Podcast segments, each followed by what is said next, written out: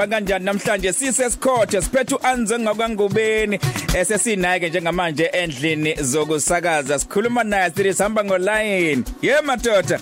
Ya kodwa ngithi mazothe ngithi inkomo ngithi yengwayo. Ho mfowethu kakhulu kuyithoba. Sikubingelele sikamukele sakazweni Khosi FM Hawu sitibona bhuti njalo. Ngigrand mfowethu wena right Hawu ngiphile saka hey wangibiza mnandi manje hey.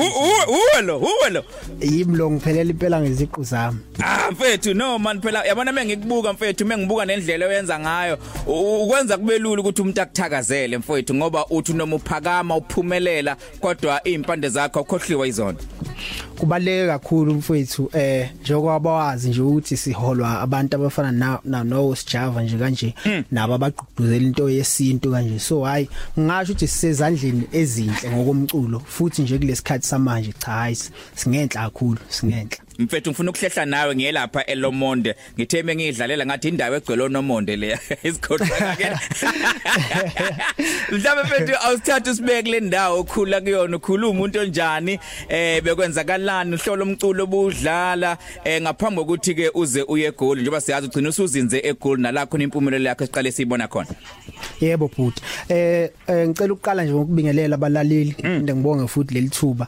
Eh ngokwegama ke nguandile lokuzalwa isibongo ngubeni kodwa ke enkundleni yomculo ngaziwa ngoAnzo Anzo. mabalabala isilwane somhloli yebo. Eh mina ke ngumuntu okhulele eScots emtshezi endaweni yakwalomodi isigodi. Umakhelwane kakhulu nje nelokhuzane nenkosi laphana. So nje ngaziwa inkosi kumele ungihloniphe ngempela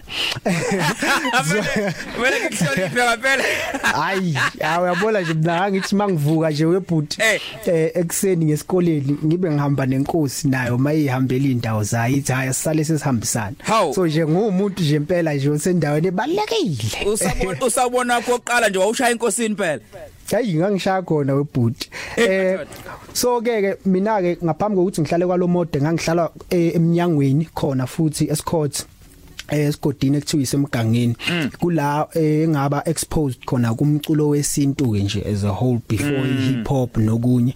Ngoba annually njalo ngonyaka sasine show esicathamia okwakuthiwa yihlahla.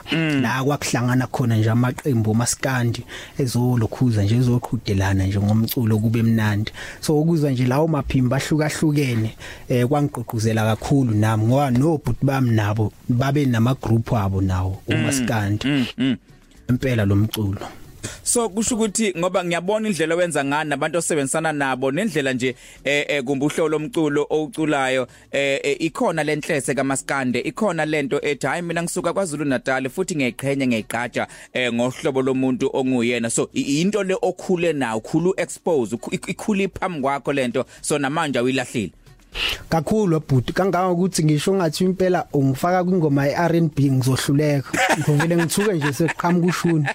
Usuvela uqhamukela angazi ukuthi kwenzakala kanjani. Into nje eseyikhona kuvele kuzenzakalele.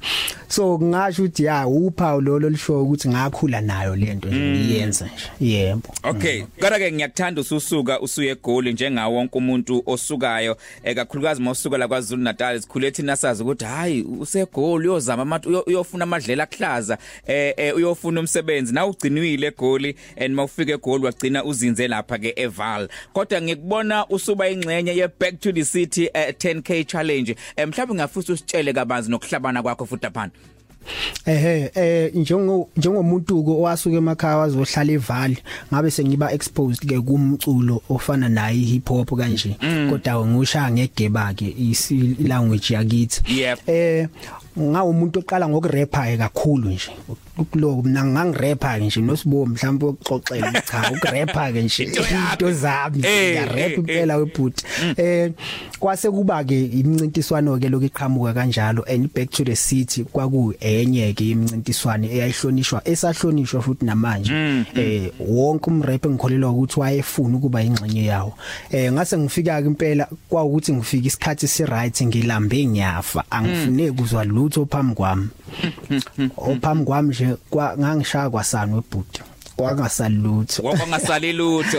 Hayi kwangasalutho so lokhu kulamba othi wawunakho lentshisekelo lolugqozu ilona lela kwenza ukuthi ugcina uhlabana ngoba ngiyazi baningi abantu owancintisana nabo futhi nabo benekhono.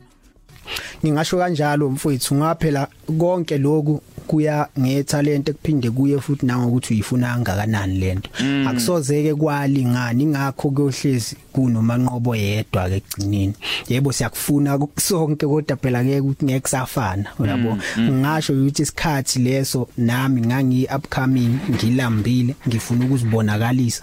Ngifuna ukubonakalisa futhi nethalente enginalo nje njengomculi. Kodwa manje ngiyayithanda uhamba uzufika eGoli and njengamanje ususebenza nabantu abafana noSjava eh wingcenye eh lapha ke ye 1020 cartel. uSjava abayibambile lapha kanjalo nabo Raf umuntu engafuna ukwazi ukuthi uhlangane kanjani nabantu abakhulu kangaka? Eh umuntu ofana noSjava ngahlangana naye I think around 2015 if mm. not 14 yeah eh wayesahlala khona la etown naye. Nami ngangumuntu ke omningi ke town ngoba phela thina sasithandela ukuhlala eJipe hostel. So kwenze ukuthi kunomuntu akamaziyo owamzwisa ingoma yami. Eh waseyithanda ingoma wangithinta via Facebook ngwasa kwakuse yikhaza Facebook kakhulu ayo Instagram eh wangithinta ke ubhuti wathi angathanda ukuthi sisebenze. Hayi ngathi mina anytime. Kodwa akangakusho ukuthi kuzoba into yanini. So all this time nje from 2014 kuze kufikela manje siyabantu abalokhu behlangana sihlele ukuthi uyazi singathi ngathanda mina ukuthi izinga lomculo wesintu suthathe suthi libeke la or senze kanjani. So ngingasho ukuthi into eyenzakalayo manje eh into esikade sasihlelile sengasho nje kanjalo ibhuti Mfethu ngiyajabula. Into enhle lokusuka eGoli ulandela amaphupha akho bese fika futhi amaphupha akhe engapheleli emgwaqweni yaseGoli. Baningi abantu abasukela belandela amaphupha abo agcina amaphupho engafezekanga. Wena lakhe iphupho lifezekile and ukwazi ukusebenza nabantu abakhulu abafana noSjava. Njengamanje eh, anze ngifuna ukubheka ngoba isikhathi esiningi uma ubheka eh, abantu abaningi banokubheka ihip hop bese bebheka futhi eh, lelo lunye uhlobo lomculo kuthiwa iAfrican trap music. Bese ngicina ngifuna ukubheka ukuthi umuntu uthini uthi wena ucula ihip hop noma ucula iAfrican trap music? Nokuthi mehluko khona uthini umehluko? Ngoba ibuyisidide le eh njengoba phela ke African trap music akuyona into yakhandwa yimi webhudi angeke angeke ngibe nama facts kodwa ngeunderstanding yami ke ngingasho ukuthi kukhona lokho iAfrican trap music emculeni wami. Ngenxa yani na? Ngenxa ukuthi sinomuntu ofana no Raf owenza le sound ngendlela akayenza ngayo. So automatically sis director is director lapho nanokuthi sifake lama sound wethu ke thina wesintu. So ukuthi mase kubumbana nje bese kuphenduke kube yiyo iAfrican trap music ngoba futhi mawuthi yabheka nama elements we hip hop abakhona futhi kuwo lo mculo izinto ezifana nama flows ama rhymes eh indlela nje siapproacha ngayo ingoma bese kuba isintu ke nezitori nje zase Africa you know. Mm no no no ngiyizwa ngiyizwa so nje bakuthiwa African trap music le eh incike kakhulu entweni ethinta thina njengama Africa mhlawumbe hip hop inakho ukuncika kakhulu eh kumbe inakho inawo le feel le yapheshwa ke lwandle. Impela ngoba mawuzojabheka phesheya eh ngendlela aba adliba ngayo ihlukile kunathi thina sisebenzisa abo eshe yabo zonke lezo zinto. Yabona ukuthi awethu ama adlib lawo awala. Adlib yabona nje yebo but mangathi alalela ungathola ukuthi sowuzwe kaningi kabu eshe eingomeni zabantu manje ueshe mningabi sokuyinto nje impela ejwayelekile popular eh and futhi into yethu abakwazi ukuthi basiphuce yona. Okay, kana mhlamba sibheka nje ama collaborations osube nawo nabantu abaningi abahlukahlukene mfowethu. Iyiphi nje ngathi yabo le collaboration le alalela ke mfethu. Ngoba ngimina engibukayo lebo mekuthiwa Gaul Bheke music holic Java ebese kuba wena iyona ngoma engisayizwayo. Kodwa mhlawumbe ungenzeka ubone ngendlela ehlukile. Hayi igawula ubheka ishisa ikhotha ubhuta ishisa ikhotha sibonge ku musicaholic ngethuba elihle kangaka. Kodwa ke mina eyami engathi impela ngayithokozela kakhulu ingoma engayenza nayo umfowethu Sjava eh iproducer uvuyo Manyika khona nomzukulu futhi kuleyo ngoma abathi eweni. Ngenxa yokuthi ngiyithande le ngoma budi ingoba i R&B mawuzothi uyilalela kahle. I R&B but yesintu. From i beat iapproach engoma abantu abakhona eingomeni ngeke nje uthi wakwamuza umculo umaskande phezulu kwengoma nje asoze asoze. Kodwa ngiyathanda ukukhuluma ngomzukulu eh bese ngibheka isambulo okuyi album enayenza ninonke nihlangene. Mhlambe kunjani nje eh ukusebenzisana ngoba into engiyibuka ngingaphandle mina ngibona ubumbano mina ngibona ukuzwana ngibona ukuhlangana ningabaculi abangaphansi kwalesitebele hey webhuti wathi intenye indaba futhi ke ngaka ngakafiki nje nalapho eh ngingathanda impela ukuqhakambisa ukuthi isambulo si silokhuzane nje si project enominatiwe futhi kumasama kabili. Kabili. Lokho ke futhi kuveza ngisho ukuthi imivuzo ke manje yalokuhlangana okhuluma ngakho ngoba siyabacula abahlukahlukene kodwa makuthiwa kwenziwa ingoma iyahlangana uyizwe ukuthi complete ngenxa ukuthi siyahloniphana ukuthi wena isound yakhe kanje yakhe kanje. So lokho kuzwana nokubumbana yiko kwenza ukuthi uqhamuka umculo ojabulisa kangaka nabantu abawuthokozelayo so ngisho nje impela ukuthi hayi kunjengobusho nje mfowethu ukuthi sihlangene impela sibumbene futhi siyezwana ke nje nangaphandle komculo. And sinokubona izitebele eziningi kade ezihlangene uyibone seyitibula kanzima. Listen kuba sengathi into eqhelelene nani le? Yebo ngisho ebhuti ukuthi kanjalo ngenxa yokuthi thina isizathu sethu ngisho ukuthi sithanda umculo kakhulu. Eh ngaphezulu kwakho konke okunye okuza nomculo ngisho ukuthi okokuqala nje ukuthanda umculo umculo sukhonzile kakhulu. Eh ukuqopha ke ingakho kubuye kuphinde kube lula masihlangana siyabantu abahlukahlukene. Ngama uJabheka sinoyolanda umuntu owakiyele esikoleni ukuyocula wa trainer wazwaphasa yalizwa iphimbo lakhe. Sinomuntu ofana no Nusem oshaya inkondlo uyaqothula nakhona enjalo futhi. Bese siba nomzukulu naye eshayela umaskandi wakhe opholelwe mnandi kakhulu.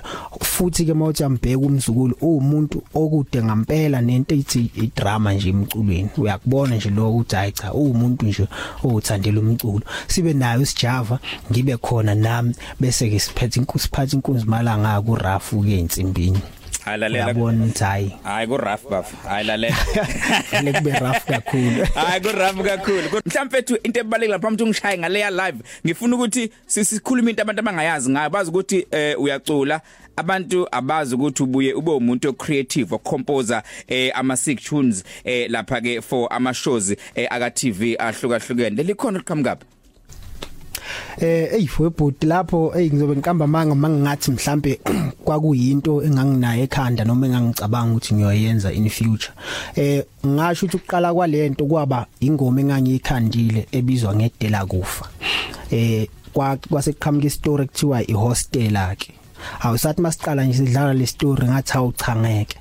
Yabo ngiyayizwa ke ingoma yami la. Ngiyibona futhi yenza isense ngendlela lesa story sasikhandeke ngakhona. Ngase ngiba umuntu oxhumana nabo. Ngibacela ukuthi hayibo eh ake nizwe la. Sibone ukuthi ngeke sakwazi na ukufukwenza something ngale ngoma.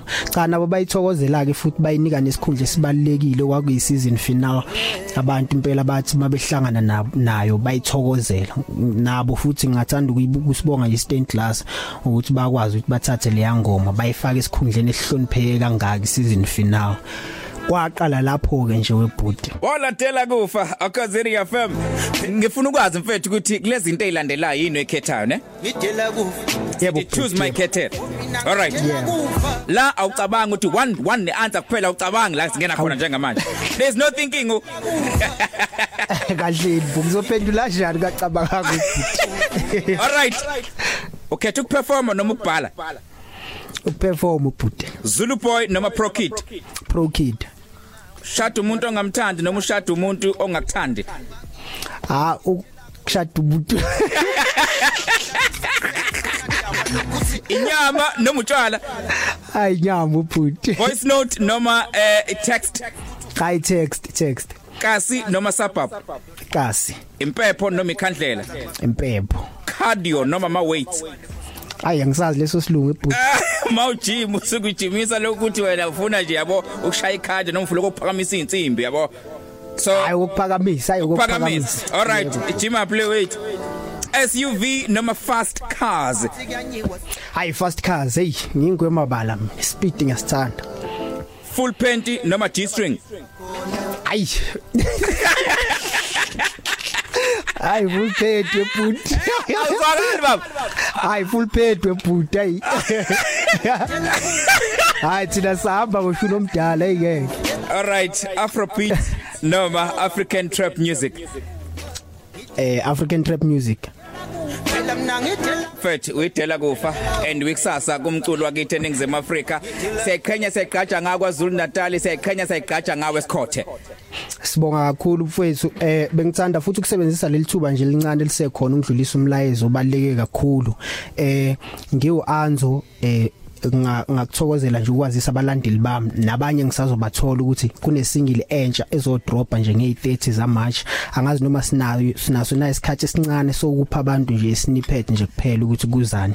But yes iyeza ihola iproject nayo elandelayo futhi nje maduze enama features amangazayo kakhulu kakhulu dabi. Ah wawuthi kancane nje kancane snippet. Ah yebo yebo bhuti. Snippet nje okuthenje kancane zozo. Kancane nje? Mhm hayi yezwe bhuti. Oh god lesnippet lesi. Lesnippet lesi. Hayi hayi ziningi izitha ubhuti ngisabathe ngiyakuta kuta hayi asabathe ngiyabheka la hayi ngeke. Afethi no lesnippet lesi kwese ngathi hayi asivumi. Isikhathi esingasavumi mfowethu ngibona la insizwe osifundela indaba isuka khona esikhothe lapho selimathunzi ngibona no kanjalo nosphongo la baphamisa izandla bathi bayiqhenya ngawo mfethu. Hayi sibonga kakhulu mfowethu eh ngiphoxekile ukuthi singila sibangesakwazi ukuyidlala kodwa hayi ngiyathemba ukuthi ngiyobuya futhi ngiyishiye la ekhaya. Mfethu noma kanjani? Siyabonga kakhulu eh sikufisela inhlanhla usaqhubeka. @anzo ngobeni kupeleni ngubeni enkundleni zokuxhumana kanoma kanjani uhlelo lifika emaphethelweni. La ngumsomluko siyabuya ukhona ke uselimathunzi sibonga kakhulu nomfundo sibonga kakhulu kusibona. Bonke nje sibambisane nabo ukuthi lo hlelo libe impumelelo